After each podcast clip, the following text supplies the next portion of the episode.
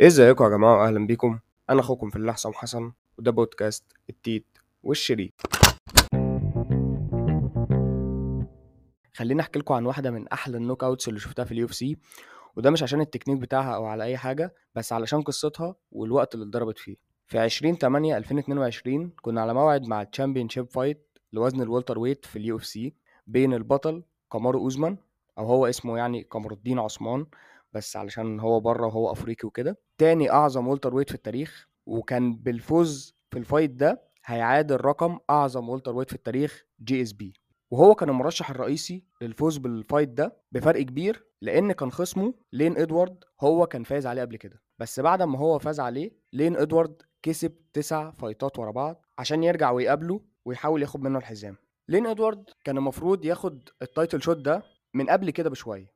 بس طبعا كان بيتأجل نظرا إن هو شخصيته نقدر نقول عليها ضعيفة شوية وما بيعرفش يتكلم على المايك خلينا نقول غلبان يعني. فطبعا كان دانا وايت بيأخر فرصته على اللقب علشان هو لو بقى بطل مش هيجيب له الفلوس ال- العالية يعني. فكان بيدي فرص تانية لناس أقل فوز بس يمكن أكتر متعة. وبنشوف في ال press conference شخصية لين إدوارد اللي متعودين عليها الغلبانة الساكتة وطبعا كمارو عثمان في الوقت ده ما كانش في حد قده. الراجل خلاص هيبقى أعظم welterweight في التاريخ دلوقتي. فطبعا كانت ثقته في السما يعني.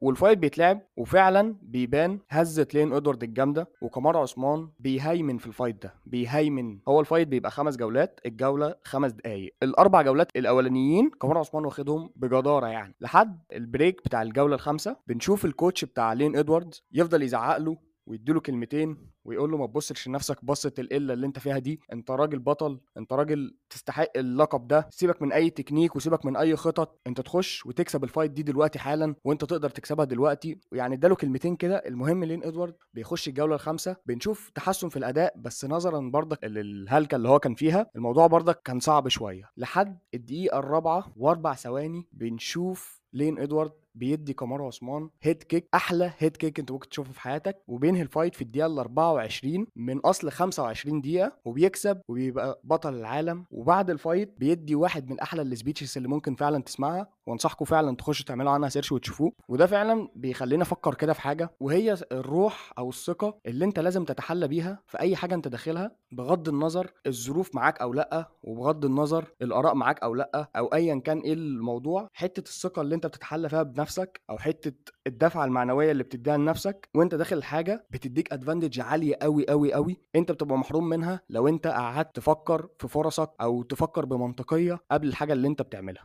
في حلقة قبل كده كنا اتكلمنا عن المواقف اللي غالبا بتبقى عادية وغالبا بيبقى فرصك فيها كويسة بس أنت ما بتكونش شايف ده وبتكون داخل مهزوز وبتتفاجئ في الآخر إن أنت عملتها وإن يجي منك يعني. الحلقة دي هنتكلم عن إحساس مختلف شوية ويمكن عكسه وهو إن فعلا لما الحاجات بتبقى صعبة وفرصك فيها قليلة جدا بس أنت بتبقى شايف إن أنت أكفأ واحد يقدر يعملها حتى لو فرصك كانت قليلة حتى لو إمكانياتك كانت قليلة حتى لو الحاجة فعلا صعبة وحتى لو ما عندكش ريفرنس لحد قبلك عملها. بس بتبقى حاسس من جواك إن لأ الحاجة دي بتاعتي أنا وأنا أكفأ واحد يعملها وأنا اللي هعملها. الشعور ده ممكن يجي لك من أول أهدافك في الحياة عموما لحد الامتحان اللي أنت بتخشه وأنت قلقان منه وحاسس إن أنت فعلا مش مذاكر. بس تثق في قدراتك وتثق في, في نفسك وتخش تحله. بالبلدي يعني أي حاجة أنت بتبقى داخلها أو أي تحدي أنت بتخشه قبليه كده بتفعل ال super power دي حتة إن أنا فعلا ما اشوفش حد وما اشوفش حاجة. الشعور ده بالنسبة لي أنا بعد توفيق ربنا طبعا كان سبب في إن أنا أعدي حاجات كتير قوي وإن أنا أأدي في حاجات المفروض إن هي كانت هتبقى صعبة. وحتى لو هي مش صعبة وهي المفروض عادي بتتعمل بس وقتها كانت ممكن تبقى صعبة أو الوقت اللي كان متاح ليا إن أنا أعملها شبه مستحيل. بس حتة إن أنا أفصل عن العالم كده وأقعد مع نفسي وأفكر في قد إيه أنا كفء أعمل الحاجة دي وقد إيه أنا فعلا جامد ده اللي كان بيخليني أعدي الموضوع ده. الموضوع يبان آه نرجسي شوية أو مغرور شوية بس ده كلامنا النهارده عن إمتى تتحكم في الحاجة دي وإمتى تفكر بالطريقة دي علشان تعمل حاجات تسكت بيها أي حد قال إن أنت مش هتعمل الحاجة دي. وبمناسبة إن أسكت أي حد قال إن أنا مش هعمل الحاجة الموضوع ده يا جدعان مضايقني فشخ حتة إن أنا ما عنديش أعداء نجاح. يعني أنا مثلا مع ما رحتش قلت لحد أنا هعمل حاجة وقال لي أنت فاشل أنت مش هتقدر. القصص الجميلة اللي إحنا بنسمعها دي بالعكس أنا لما بروح بشوف في عينيهم نظرة فخر أو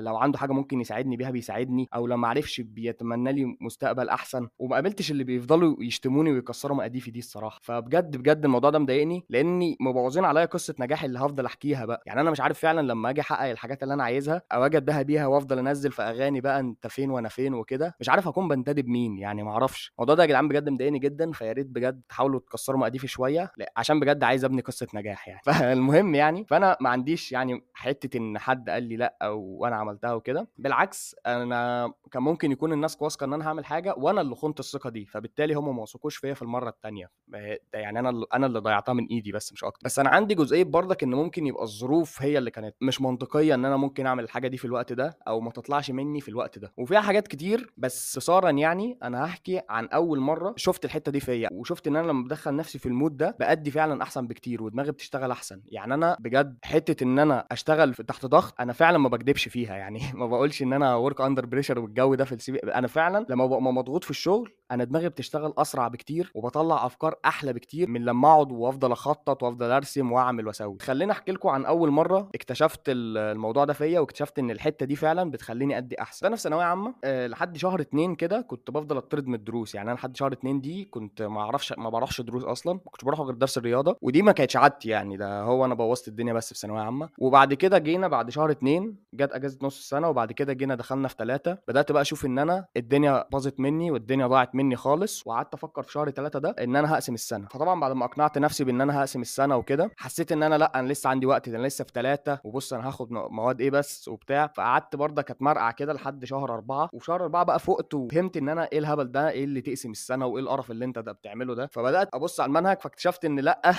أنا كان عندي حق ما تقسم السنة يا اسطى. بس لأ يعني فكرت شوية قعدت أدور على حلول إزاي بقى هشوف الدنيا دي. يعني بجد بجد لحد نص أربعة أنا ما كنتش أعرف أي حاجة. أنا معيش غير الرياضة التطبيقيه اللي هو الديناميكا والاستاتيكا وكده ده فرع من الرياضة. بقية المواد تماما أنا ما أعرفش فيها أي حاجة. شكل كده الموضوع كبر مني يعني شوية. فقعدت بقى إيه أحاول أتصرف. فرحت خدت درس كيمياء مع جوز عمتي. فطبعا هو بدأ يشرح من أول الكيمياء العضوية اللي هو آخر باب. وده كان السبب إن أنا كنت شاطر في الجامعة العضوية دونا عن أي حد تاني لأن أنا بدأت بيها. أنا ما كنتش أعرف غيرها. وهو طبعا ما كانش يعرف إن أنا في الأربع بيبان اللي قبليهم ما أعرفش فيهم أي كلمة. وبعد كده رحت في الفيزياء آه أنا واثنين صحابي كده جبنا ال assistant بتاع المستر اللي إحنا بناخد معاه ورحنا خدنا معاه private علشان معانا المنهج من الأول لأن طبعا ما كانش فيه أي حد هيشرح لنا المنهج اللي عدانا ده كله. المهم إن أنا بدأت بقى أخش المعسكر المغلق بقى كده. الكلام ده كان ببدأه في نص أربعة وأنا امتحاناتي في ست وأنا بقى ببدأ كل المواد بقى. أنا أنا جايبها من الأول خالص. لحد أما الامتحانات جت تبدأ طبعا مش عايز أقول لكم إن أنا أكيد ما خلصتش المناهج لا شرح ولا مراجعة ولا أي حاجة. يعني أنا أكيد ما خلصتش المناهج. أنا الكيمياء كان معايا الجامعة عضوية بس والفيزياء كان معايا نصها تقريبا. وطبعا المواد التانية أنا ما كنتش مركز معاها أنا كنت مركز مع دول على أساس إن أنا محتاجين فهم وكده. فأنا دخلت المواد أجزاء كتير قوي من المنهج مش معايا. عدى امتحان والتاني وكده فجينا قبل عند امتحان الفيزياء كنا لسه ما خلصناش المنهج كنا في الأسبوع اللي قبل الامتحان ده هنقفل المنهج وبعد كده هناخد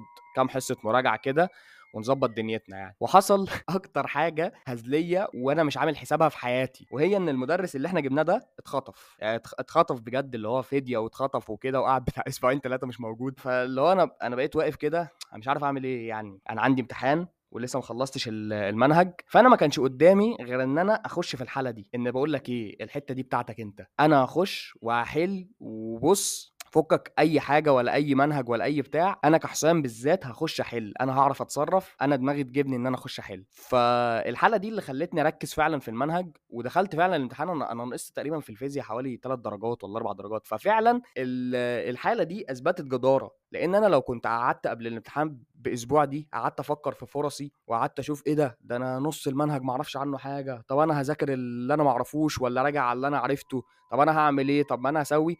كانت الحاجات دي هتضيع مني غير لما ركزت فعلا إن بقول لك إيه فكك أنت هتعرف تتصرف. فدي دخلتني في حالة وثقة كده خلتني أركز فعلا في المعطيات اللي قدامي وأركز فعلا في الامتحان لما أخشه والدنيا تبقى تمام معايا يعني. فده كموقف صغير يعني أو تحدي صغير بالنسبة لي طلعت فيه الشخصية دي مني واثبات الجداره وبجد بعد الموضوع ده بقيت أعرف فعلا إن أنا جوايا الحتة دي أو ان إن الجزئية دي بتخليني فعلا أشتغل أحسن حتة إن أنا أبقى مضغوط أو حتة إن أنا أدخل نفسي في الحالة بتاعت الثقة الزيادة قوي دي. يعني في شعرة ما بين الغرور وما بين الثقة بالنفس. أنا في الوقت ده برميها. أنا أنا يا عم أنا مغرور أنا مغرور. أنا أحسن من أي حد؟ آه. فاهم؟ فالتركاية بقى في إن أنت تبقى عارف أنا إمتى أفكر بالطريقة دي وإمتى أفصل. لأن الشخصية دي حتة إن أنت شايف نفسك أحسن من أي حد زي ما هي هتلحقك في المواقف نفسها. لو أنت مشيت بالحاجة دي في حياتك عموما هتفشخك. لاني ببساطة إزاي هتعلم من غيري؟ طالما أنا شايف نفسي أحسن حد إزاي. هذاكر؟ طالما أنا شايف نفسي إن أنا تمام إزاي هجرب؟ إزاي هقبل الرفض؟ الحاجات دي كلها هتخليني إنسان نرجسي ما بيتعلمش هفشخ نفسي يعني. فدي بيبقى ليها أوقاتها وأنا بشوف دايما أوقاتها لما تتحط في الحاجة. يعني فاهم؟ أنا جوه جوه الحوار أنا خلاص أنا دلوقتي خلاص اتمرنت أنا خلاص ذاكرت أنا خلاص عملت اللي عليا حطيت الخطة أنا دلوقتي داخل على الحوار. ما ينفعش بقى أركز في المعطيات واركز في فرصي واركز في كل ده على قد ما أنا أركز إن أنا هكسب الحاجة دي أو أنا هعدي الحاجة دي ايا كانت إيه الطريقة وايا كانت إيه السيناريو. زي ما شفنا في القصة اللي أنا لسه حكيها حتة إن إن ال coach بتاعه قال له سيبك من أي خطة إحنا حاطينها سيبك من أي حاجة إحنا عاملينها أنت خش واكسب. ما تركزش في أي حاجة. في الوقت ده أنت تدخل نفسك في ال mood ده بس. وبجد بجد بجد الجزئية دي بتثبت جدارة كبيرة قوي يعني. وخلينا أحكي لكم قصة تانية في ال UFC برضه وال UFC طبعا مليانة بقصص آه، تثبت كلامنا ده وتثبت فعلا ثقتك في نفسك بتديك advantage عالي قوي حتى لو آه، ال techniques بتاعتك مش أحسن حاجة. القصة دي كانت يوم الأحد اللي فات والقصة دي بالنسبة لي حزينة لأن أنا كنت بشجع الطرف الطرف الثاني فيها بس هي بتخدم الكلام اللي إحنا بنتكلم فيه وهي قصة championship fight في وزن ال featherweight في ال UFC بين البطل ألكسندر فولكونوفسكي ال GOAT بتاع الوزن ده و fighter اسمه إيليا توبوريا. إيليا توبوريا مش سهل fighter جامد قوي 14 fight ورا بعض win streak ما عندوش ولا خسارة فهو fighter تقيل قوي في العادي بس لما نيجي نتكلم عن ألكسندر فولكونوفسكي اللي هو كان داخل يلعبه ده الراجل ده ده الراجل ده كعبه عالي قوي على الوزن. ال rank رقم واحد في الوزن ده واحد اسمه ماكس هولوي. ماكس هولوي ده ما خسرش من أي حد في الوزن ده بس خسر من ألكسندر فولكونوفسكي ثلاث مرات. يعني الراجل rank واحد ما فيش حد عارف يكسبه بس هو برضك مش عارف يبقى بطل. فده يدل عن إن الكسندر فولكنوفسكي في level أعلى من أي حد في الوزن ده. فال 14 fight win streak اللي أنت كسبتهم دول ممكن يتكسروا في ثانية قدام الكسندر فولكنوفسكي بس ظروف ال fight دي كانت مختلفة شوية لأن الكسندر فولكنوفسكي كان واخد أول KO ليه لما جرب يطلع الوزن تاني من إسلام مخاشيف. فثقته بنفسه ما كانتش أعلى حاجة ودي الحتة اللي لعب عليها إليا توبوريا. لأن هو عارف حتى لو الخصم اللي قدامي ده مش واثق من نفسه كفاية فهو still ال GOAT بتاع الوزن still fighter فشيخ. فالراجل عمل إيه؟ قبل ال fight بشهرين راح كتب على ال bio بتاع الإنستجرام بتاعه إن هو ال champion بتاع ال featherweight في ال UFC وكتب إن ال win streak بتاعته 15 0 اللي هو already أنا كسبت وبقى يتعامل على أساس إن هو خلاص أنا البطل. وبيتعامل أنا أنا هلاعب مين بعد ال fight دي؟ وهدي الفرصة لمين على الحزام وهعمل إيه؟ والراجل كان طالع بثقة ما شفناهاش قبل كده وفعلا مصدق ده وبيتكلم إن هو فكك من ألكسندر فولكونوفسكي ده المرحله مضمونة مع إن عمر ما حد يتكلم عن فولكنوفسكي بالشكل ده يعني الراجل مش قليل بس الثقة اللي كان جاي بيها إيليا توبوريا خلت الناس تشوف إيه ده ده والله هو اللي عنده الثقة. وده ظهر في ال press conference قبل ال fight وده ظهر في ال odds أو ال odds دي اللي هي المراهنات. الناس بقت تراهن على إيليا توبوريا ودي مش متعودين منها خالص قدام ألكسندر فولكنوفسكي ألكسندر فولكنوفسكي وقت ما يلعب في وزن ال featherweight أنت لازم هتراهن عليه. فلما كمان الناس لما تيجي تراهن تراهن على الخصم بتاعك وبرضك هو كان عنده 27 سنة فهو يعتبر ك fighter سنه مش كبير يعني ال peak بتاعت ال fighters بتبقى 32 و31 فاهم؟ فدي طبعا كانت advantage عالي قوي لإيليا توبوريا ودخل فعلا ال fight وبان عليه الثقة الزايدة قوي وفي ناس كانت شايفة إن دي هي اللي هتبقى سبب هلاكه إن أنت تثق قدام واحد زي ده بالشكل